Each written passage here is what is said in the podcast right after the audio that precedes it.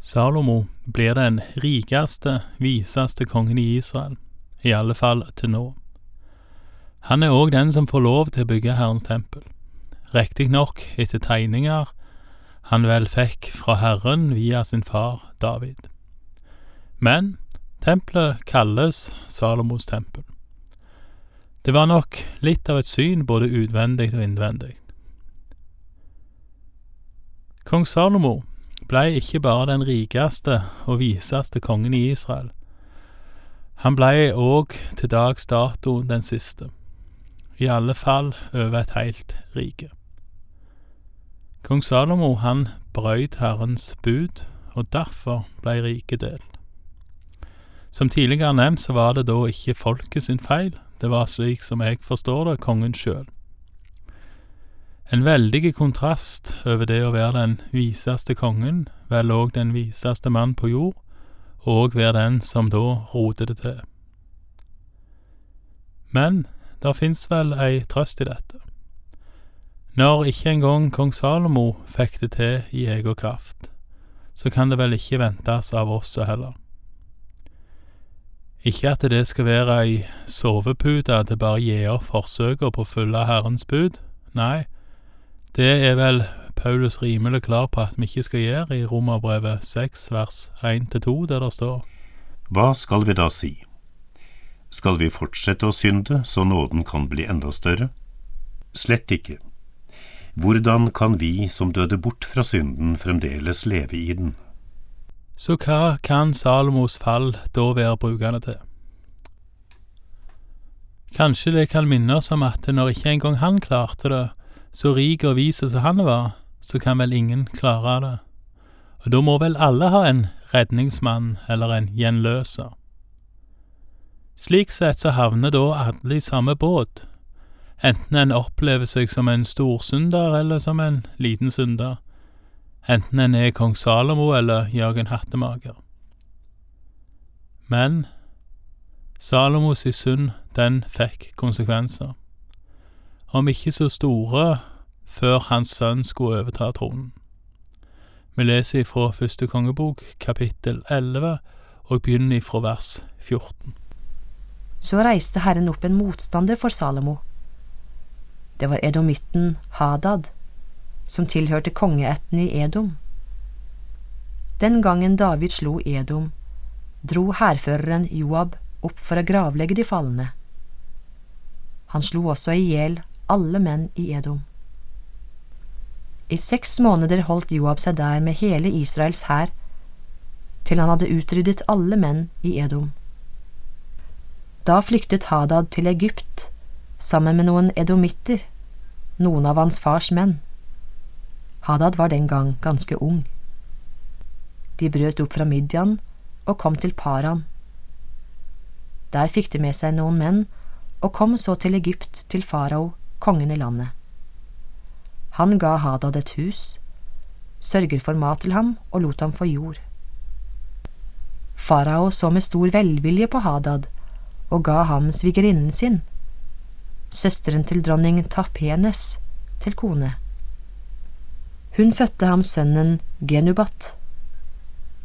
Tapenes oppfostret Genubat i faraos hus, og siden var han i faraos hus blant sønnene hans. Mens Hadad var i Egypt, fikk han høre at David hadde gått til hvile hos sine fedre, og at hærføreren Joab var død. Da sa han til farao, La meg nå få dra hjem til mitt eget land. Farao spurte, Hva er det du savner her hos meg, siden du ber om å få dra til ditt eget land? Han svarte, Ingenting men du må likevel sende meg av sted.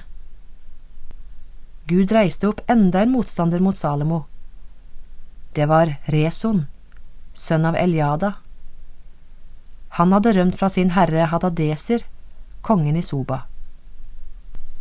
Reson samlet folk omkring seg og ble høvding for en røverflokk. Den gang David drepte mange av dem, dro de til Damaskus de slo seg ned der og gjorde seg til herrer i byen. Reson var Israels motstander så lenge Salomo levde. Både han og Hadad voldte Israel skade.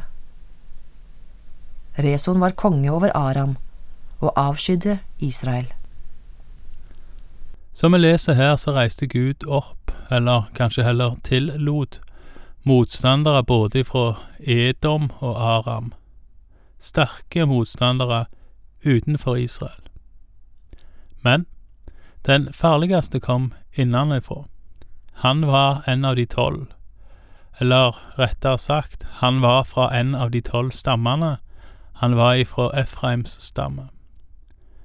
Efraim var den eh, andre sønnen Josef fikk under starten av de sju uåra en kan lese om i Første Mosebok kapittel 41. Det var en av Israels eget blod som gikk etter makta. Igjen. Vi leser videre fra vers 26. Jeroboam var sønn av Nebat fra Sereda i Efraim. Hans mor het Serua og var enke. Han var i Salomos tjeneste, men reiste seg mot kongen. Slik gikk det til da Jeroboam løftet sin hånd mot kongen. Salomo holdt på med å bygge Millo og tette sprekken i muren omkring sin far Davids by. Nå var Jeroboam en dyktig kar, og da Salomo så at den unge mannen gjorde godt arbeid, satte han ham til oppsynsmann over alt pliktarbeidet som Josefs hus måtte gjøre. En gang på denne tiden gikk Jeroboam ut av Jerusalem. Da kom profeten Ahia fra Shilo imot ham på veien. Ahia var kledd i en ny kappe. De to var alene ute på marken. Ahia tok tak i den nye kappen han hadde på seg, rev den i tolv stykker og sa til Jeroboam, Ta du ti stykker, for så sier Herren, Israels Gud. Jeg vil rive riket ut av hendene på Salomo og gi deg de ti stammene. Bare den ene stammen skal være hans, for min tjener Davids skyld, og for Jerusalems skyld, den byen jeg har utvalgt blant alle Israels stammer. Dette gjør jeg fordi de har forlatt meg og tilbedt sidonernes gudinne Astarte, moabittenes gud Kemosh og ammonittenes gud Milkom. De har ikke gått på mine veier og har ikke gjort det som er rett i mine øyne. De har ikke holdt mine forskrifter og lover, slik hans far David gjorde. Likevel vil jeg ikke ta noe av riket fra ham selv. Jeg lar ham være hersker så lenge han lever, for min tjener Davids skyld, han som jeg valgte ut, og som holdt budene og forskriftene mine. Jeg vil ta riket ut av hendene på hans sønn, og gi de ti stammene til deg. Men én stamme vil jeg gi til hans sønn, for at min tjener David alltid skal ha en lampe for mitt ansikt i Jerusalem, den byen jeg har utvalgt til bolig for mitt navn. Deg lar jeg råde over alt det du ønsker. Du skal bli konge over Israel. Dersom du hører på alt det jeg pålegger deg, går på mine veier, gjør det som er rett i mine øyne, og holder mine forskrifter og bud, slik min tjener David gjorde.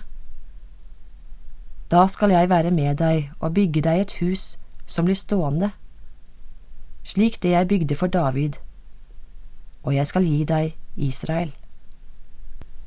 Davids ett vil jeg ydmyke for det som er gjort, men ikke for all fremtid. Salomo forsøkte nå å drepe Jeroboam. Men Jeroboam brøt opp og flyktet til Egypt, til Shishak, som var konge der, og han ble i Egypt til Salomo var død. Det er særlig to ting jeg vil trekke fram i det profeten Ahia sier til Jeroboam her. Det ene er at det igjen henvises til David og den avtalen David hadde med Herren. Les en vers 38, så står det at dersom du, altså da kongen, går på mine veier og gjør det som er rett og holder Herrens bud og forskrifter, slik som David gjorde, så vil Gud være med, og huset eller riket skal bli stående. Jeroboam og hans kommende ett får da samme muligheten som David og Salomo hadde. Hold Guds bud, og Gud skal bevare. Det andre jeg vil peke på, er vers 39, om at Davids slekt skal bli ydmyka, men ikke for all framtid. Dette peker videre framover, tenker jeg, på at det igjen skal sitte en konge på Davids trone. Vi leser videre fra vers 41. Det som ellers er å fortelle om Salomo, om alt det han utrettet, og om hans visdom, står skrevet i Salomos krønike. I 40 år var Salomo konge i Jerusalem og regjerte over hele Israel. Så gikk Salomo til hvile hos sine fedre og ble gravlagt i sin far Davids by. Hans sønn Rehabiam ble konge etter ham. Og med dette stopper historien om et helt Israel, om et samla Israel med én konge. Det vil si, det er vel ikke helt sant, det stopper ikke helt ennå, men Salomo var den siste kongen som var konge over hele riket hele sin levetid. Kong Saul var den første kongen, kong David var den andre. Han var òg konge de sju første åra i kun deler av riket, mens kong Salomo ble konge når riket var heilt og grensene var trygge. Det var fred, og de var vel aldri rikere eller tryggere i Israel enn de var under kong Salomo. Med kong Salomo sin død så stopper denne kongerekka, det vil si hun stopper i det hele riket, men selve rekka kommer til å fortsette. Davids etter kommer til å regjere videre i Judariket, eller Sørriket, som består av folk ifra to stammer, ifra Juda og Benjamin. Kongerekka i Israel så langt er ganske lett å holde styr på. Det er først Saul, så David og Salomo. De sitter ca 40 år på tronen hver. Saul husker en vel gjerne fordi han var konge når David slo Goliat. David er òg kjent, og langt utenfor kristendommens rekke, holdt jeg på å si. Både for dette med Goliat, men òg historien om Batsteba og drapet på Uria. Kong Salomo er òg veldig godt kjent for sin visdom og for sin rikdom. Så de første ca 120 åra er lette. Det er ett rike, det er tre konger, alle tre er kjent.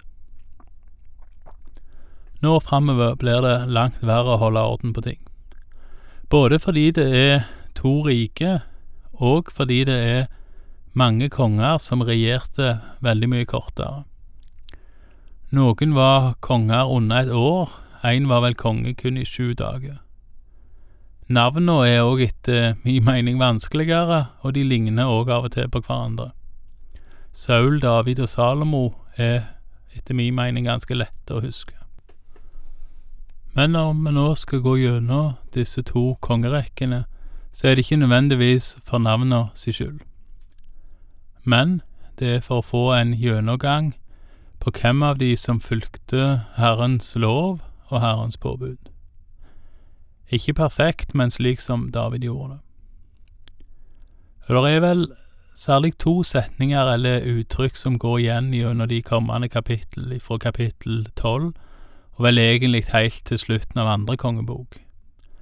Og det er om kongen gjorde det som var rett, eller det som var ondt i Herrens øyne. Det får vi komme tilbake igjen til seinere. Takk for i dag, og Herren være med deg.